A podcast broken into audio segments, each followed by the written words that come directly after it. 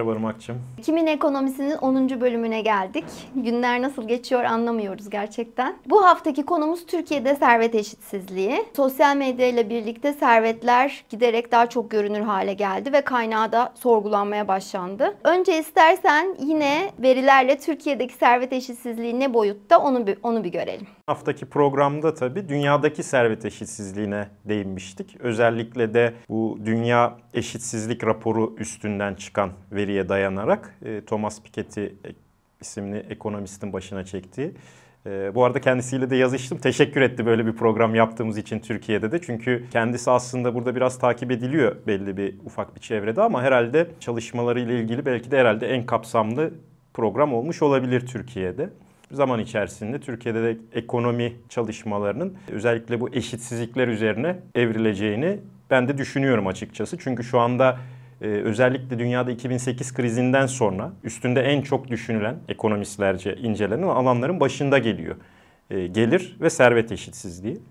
E, bu haftada dediğin gibi Türkiye'de de servetler sosyal medya ile beraber çok görünür oldu. Bir yanda tabii insanlar gıdayla da ilgili bir program yapmıştık. Yani bir tarafta gerçekten gıda ve gıdaya erişim ve beslenme maddi sorunlar sebebinden iyi beslenememe varken e, öbür tarafta da gerçekten uçlarda yaşanan hayatlar ve bunu gerçekten e, telefon veya televizyon ekranlarından izleyen dev bir kitlemiz mevcut Türkiye'de. Türkiye tabii tek başına ayrı değil. Dünyada da biraz böyle geçen hafta değindiğimiz gibi ama bugün Türkiye özeline değinelim. İlk başta yine veriyle başlıyoruz. Ee, bir nolu grafiğimiz diyelim. Bu Türkiye'de nüfusun servetten aldığı payı gösteriyor bir nolu grafik.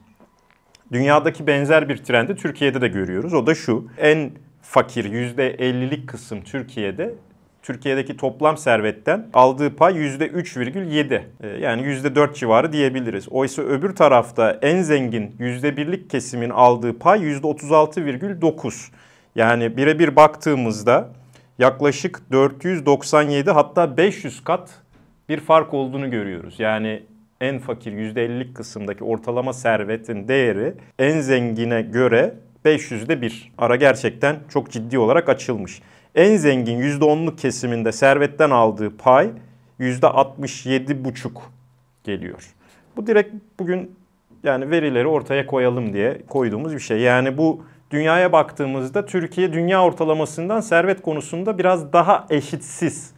Yani bir parça daha iyi. Çünkü geçen hafta baktığımızda en zengin %1'in e, payı en fakirdeki gruba göre 950 kattı dünyada. Türkiye'de 500 kat.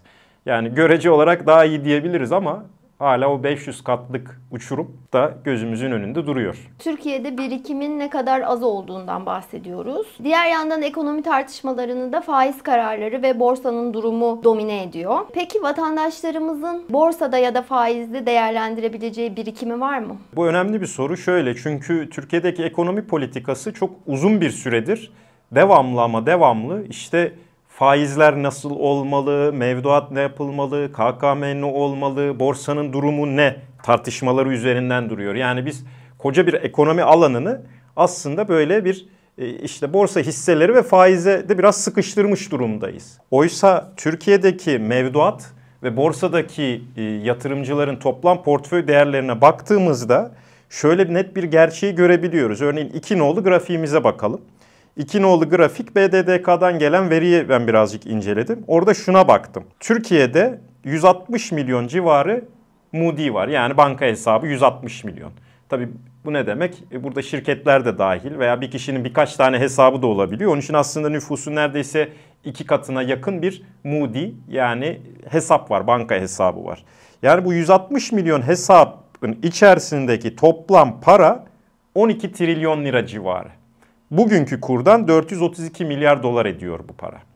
Şimdi peki bu 12 trilyon liranın veya 432 milyar doların burada şunun da altını çizeyim. Bu yurt içi yerleşik kişilerin, gerçek veya tüzel kişiliklerin e, Türk lirası veyahut döviz tevdiat yani döviz mevduatları da buna dahil. Ayrıca kıymetli maden depo hesapları. Yani her şey dahil diyelim. Yurt dışı yerleşikler burada yok. Onlar da belki bir %10 kadar e, etkileşebilir ama ben sadece yurt içi yerleşiklere burada odaklandım. E, burada bu 160 milyon hesabın 148 milyon lirasının Moody başına mevduat Türkiye'de 830 lira. Yani halkımızın 160 milyon hesabın 148 milyon Moody'nin bankada sadece ortalama 830 lirası var. Şimdi biz faiz arttıralım diyoruz da yani faiz %25'ten %50'ye çeksen. Yani şu 830 liraya senelik gelecek fark 200 lira civarı falan oluyor. Hani diyoruz ya faiz arttıralım, mevduatı teşvik edelim. Yani bankada parası olan vatandaşımız yok. Olan kesim çok cüzi. Orada da şunu görüyoruz. Tekrardan bu servet eşitsizliğine değinmek gerekirse 1 milyon liranın üzerinde mevduata sahip Moody sayısı %1. Hatta %1 bile değil aslında %0,7.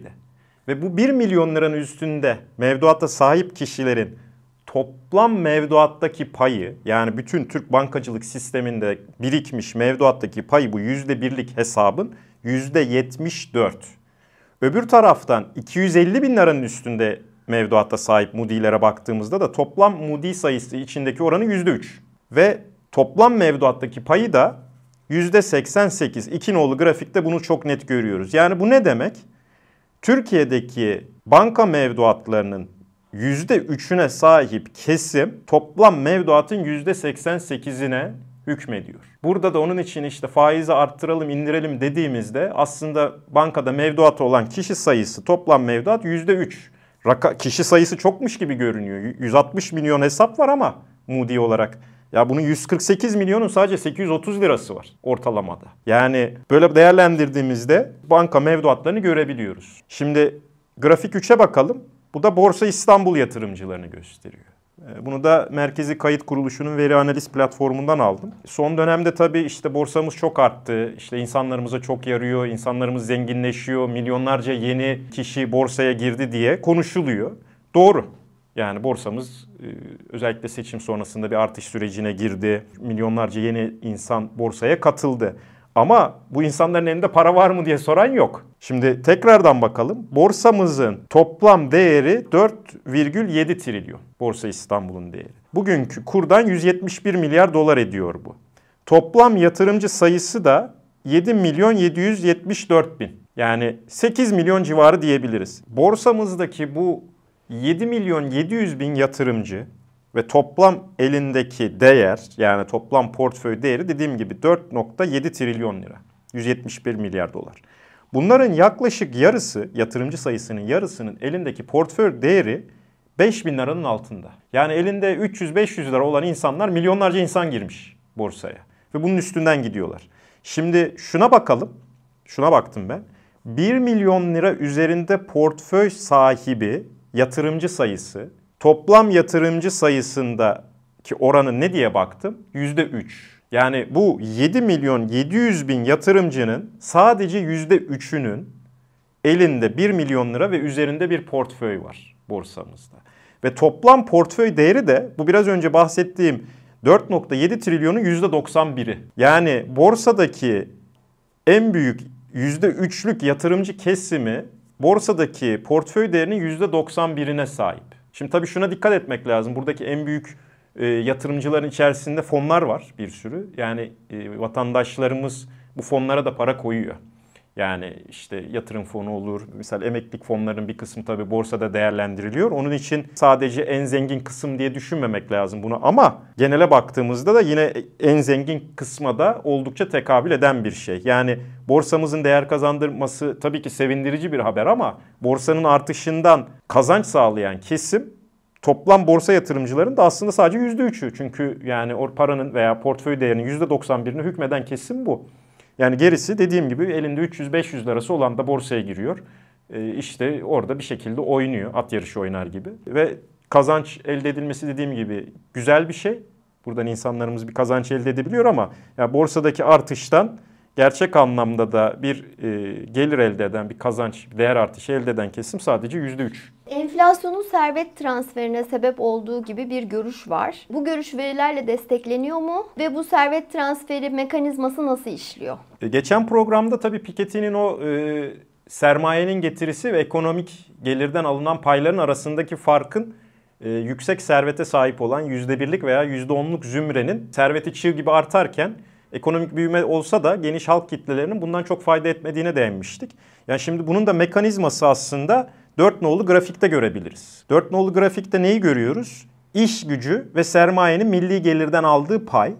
Buradaki sermayeden kasıt net işletme artığı denen e, yani aslında şirketlerin elde ettiği kar tabii vergiden arındırılmış. Üstüne de tabii sübvansiyon varsa onlar da eklenmiş kısmına net işletme artığı deniyor. Ama bunu yani şirketlere ve tabii şirketlerin sahiplerine yani elinde sermayeyi bulunan kesime milli gelirden aldığı pay diye bakıyoruz. Öbür tarafta da iş gücü yani emeğin ülkedeki milli gelirden aldığı pay. Bu TÜİK verisi. Şimdi şöyle bir şey var burada da çok net görüyoruz. Yani sermayenin milli gelirimizden aldığı pay 2019-2022 arasında çığ gibi artmış.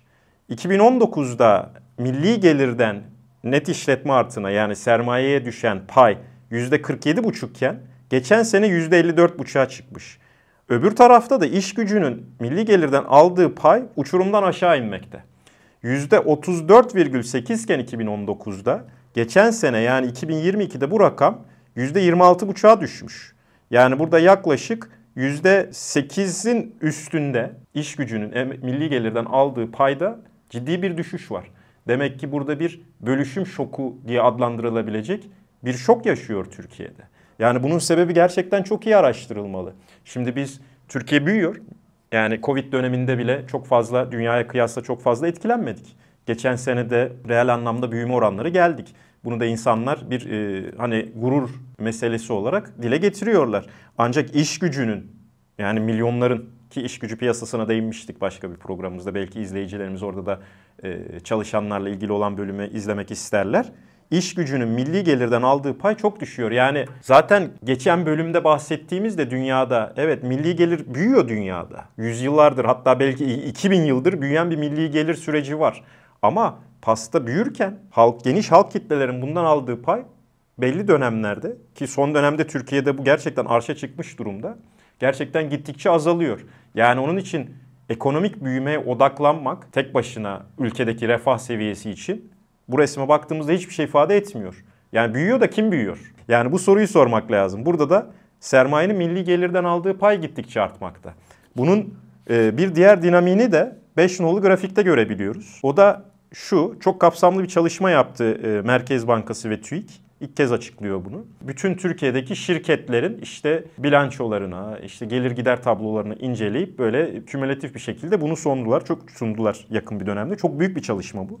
Burada ama şunu görüyoruz. Şimdi net satış karlılığı bu şirketlerin, net satış karlılığı ve öz kaynak karlılığı. Şimdi biraz teknik terimler bunlar ama net satış karlılığı şudur. Net satış var bütün şirketlerin, brüt değil net. Öbür tarafta da şirketin sene sonunda toplamda bundan ne kadar kar ettiği. Bunun içinden bütün işte iş gücü maliyetleri düşülüyor, SGK düşüyor, işte vergiler düşüyor, faiz harcamaları düşüyor. Yani şirkete kalan net, net kar demek bu. Yani rasyosu. Şimdi öz kaynak karlılığı da şirketin içine konmuş sermayedarların koyduğu sermaye artı işte geçmiş dönemlerin net karı. Yani orada birikmiş bir sermaye havuzu, sermayedar payı diyebileceğimiz. Şimdi hemen öz kaynak karlılığına bakalım. Yani 2015 yılından itibaren böyle %4 ila %7 civarında giden bir öz kaynak karlılığı varken bir anda 2022'de öz kaynak karlılığı %20'ye fırlamış. Yani evet biraz önce de bahsettiğim gibi Türkiye'de bir ekonomik büyüme var ama sermayenin aldığı pay bundan gittikçe artıyor. Neden? Yani öz kaynak karlılığı çok yüksek. Artı yani net satış karlılığı da bir anda örneğin 2022'de 2021'e göre 2,5 kat artmış neredeyse. Yani tarihsel sürece baktığımızda Türkiye'deki bütün şirketlerin net satış karlılığı yaklaşık %2-3 bandında giderken 2022'de bir anda %4,8 yani %5'e çıkmış. Kaldı ki şu anda son yapılan araştırmalar açıkçası enflasyonun sebebini de bazılarının dediği gibi yok efendim iş gücü maliyetleri yükseldi, asgari ücret arttı. Bunun içine işte efendim çok fazla e, işte enflasyon çıkıyor diyen bazı ekonomistler var. Ama yani veriyle konuşalım. Veriye baktığımızda görüyoruz işte iş gücü maliyeti biraz artıyor gibi ama yani tabii rakamsal olarak asgari ücret tabii ki arttı ama iş gücünün toplamdan aldığı pay gittikçe düşüyor. Ve şirketlerin karlılık oranları gittikçe artıyor. Ve zaten şu anda yapılan araştırmalar şunu da gösteriyor. Türkiye'deki enflasyonun sebebi de bu karlılık artışları.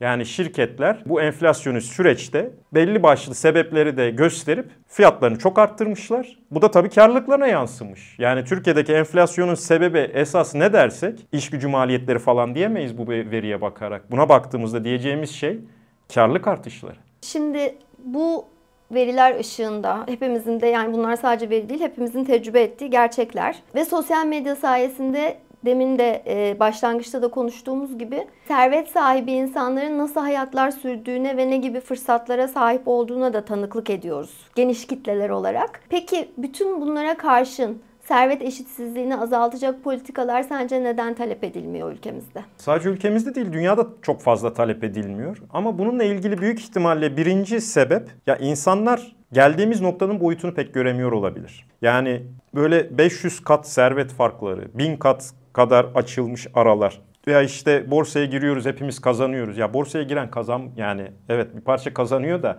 yani rakamları ortaya koyduk. Yani sadece %3'lük bir kesim. Mevduatta da böyle. Aslında şu veriye bakarak şunu çok net diyebiliriz. Yani Türkiye'deki sermaye elde tutan %3'lük bir kesim Türkiye'nin toplamdaki sermaye getirisinin belki %80-90'ını kontrol ediyor. Geriye kalan %97 de bir şekilde bundan fayda etmeye çalışıyor. Ve aslında içine de girerse sistemin ve kendisinin de bir gün belki o büyük kazançları elde edebileceği hayaliyle zaten buraya giriyor. Şimdi maalesef şöyle bir sorun oldu. Bunu bir programda daha söylemiştik zaten. Yani çalışanın kazandığı bir ekonomik model olması lazım. Biz çünkü üretim olsun, üretim olsun, üretim olsun derken insanların üretiminden kazanıyor olması lazım çalışan. Şimdi kazanamıyorsanız ki gördük iş gücü payı gittikçe düşüyor milli gelirde. Demek ki çalışan kazanamıyor. E kazanamayınca ne oluyor? Özellikle de enflasyonist bir dönemde. İşte finansal bazı enstrümanlara yönelerek bir şekilde zenginleşme, refah elde etmeye çalışıyor. Bununla ilgili ama tabii yani bu eşitsizlik herkesin gözü önünde dediğin gibi. Yani maruz kalmamanın imkanı yok buna. Ancak yani insanların ana talebinde şöyle bir şey var. Yani bu tür servetlerin sanki çalışılarak elde edildiği veya işte birazcık şans faktörünün olduğu ile ilgili bazı inançlar var. Kendisi de çok çalışsa, biraz da şanslı olsa o serveti elde edebileceğini düşünüyor. Hatta yani siz servet eşitsizliğini engelleyecek politikalar geliştirseniz bazen geniş halk kitlelerinde buna bir tepki de oluşuyor. Çünkü kendisinin o servete erişme ihtimalini de azalttığınızı düşünen insanlar oluşuyor bu sebeple. Oysa şu rakamlara baktığımızda yani bu servete zaten erişebilen yok Türkiye'de. Ama insanların tabii birincisi meseleyi çok fazla bilmiyorlar. İki çok farklı gündemlerle meşgul oluyorlar. Ee, üçüncüsü bunu dile getiren bir e, şey de yok. Yani bir platform da yok açıkçası. Yani çok bireysel kişisel alanlara inmiş durumda bu tür şeyleri dile getiren insanlar. Onun için yani belli bir bilinç seviyesinin yükselmesi gerektiği şart. Ama bir diğeri de tabii yani insanların ekonomik olarak meselelere baktığında son dönem çalışmalarda şunu gör, görmekteyiz ekonomi sosyolojisine baktığımızda. Eşitsizlikten ziyade yani işsizliğe odaklanıyor gibi insanlar biraz. Ee, yani kendisinin elinde bir işi veya hayatını bir şekilde şöyle ya da böyle idame ettirebilecek bir geliri olursa bu bir şekilde sanki insanlara yetiyormuş gibi. Yetiyormuş gibi ama neden? Çünkü çevresine de baktığında da hep kendi insanları, kendi gibi insanları görüyor. Yani o kadar sert bir sınıfsal ayrışma var ki aslında. Evet sosyal medyadan veya televizyondan o büyük şaşalı hayatları izleyebiliyorsun ama yani insanların kendi çevresinde böyle bir dünya yok. Yani halkımızın dev bir kısmı yine kendisine benzer insanlarla yaşıyor. Ve arada da bir eşitsizlik gördü mü kendisinden bir parça refah yüksek olan insanla böyle bir bazen sürtüşme yaşıyor. Yani Türkiye'de işte e, doktorlara saran bir kitle oluşmuş durumda. Ya doktorlar çok kazanıyor diyor. Yani doktor evet belki asker ücretlerden tabii kazanıyor hakkı olarak da yani şu duruma baktığımızda 500 kat servet farklılıkları kimsenin gözüne batmıyor da doktorun asgari ücretin üstünde 2-3 kat üstünde ücret alması mı göze bakıyor?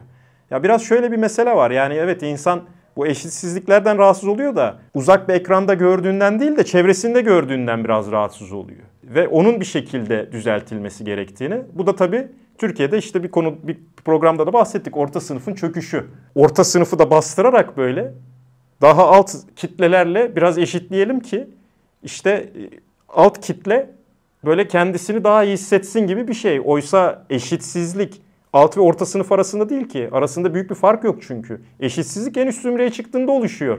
Yüzde birlik bile değil. Yüzde 0.1'lik kesime. Ama İnsanımızın o kitleyle uzaktan görse de çevresinde hiçbir bağ yok. Bu da büyük ihtimalle bir etkendir. O zaman diyebiliriz ki faiz kararlarının geniş kitlelere etkisi e, ama ekonomiye genel etkisi üzerinden oluyor. Yani e, istihdama etkisi, ekonomik büyümeye etkisi bu insanların hayatını doğrudan etkiliyor ve belki de e, bu ekonomi politikalarının seçimde gösterdiği başarı da bu yüzden oldu belki de.